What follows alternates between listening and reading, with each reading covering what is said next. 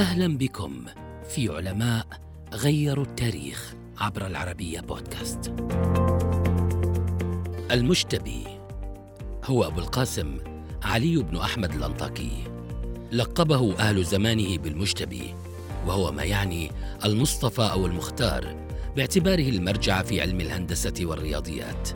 ولد في أنطاكيا في بداية القرن الرابع الهجري وتوفي في بغداد سنة 376 هجرية.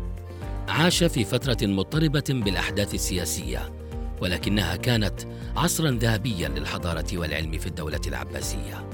شهد تراجع الخلفاء العباسيين وصعود أمراء بني بويه، ولكن التقلبات السياسية لم تؤثر على مركزه كأهم علماء بغداد. ارتبط بعضد الدولة البويهي الذي قربه وأمن له المناخ العلمي المناسب لدراسة وتدريس الهندسة والرياضيات. تميز منهجه في التعامل مع الهندسة في ربطها بالعلوم الأخرى وخاصة علم الرياضيات والحساب. اهتم بتوحيد المقاييس والموازين للحصول على نتائج قياسية للتجارب والعمليات المختلفة. فصنف كتابا بعنوان الموازين العددية. كان مطلعا على إنجازات الهنود القدماء وألف كتاب التخت الكبير في الحساب الهندي الذي صنع طفرة في علم الحساب.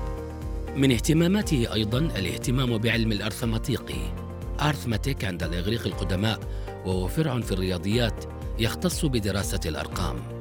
اهتم أيضا بنظريات إقليدس الإغريقي وبنى عليها وصنف كتابا بعنوان شرح إقليدس. من كتبه الأخرى أيضا استخراج التراجم والحساب على التخت بلا محو. وتفسير الأرثمطيقي.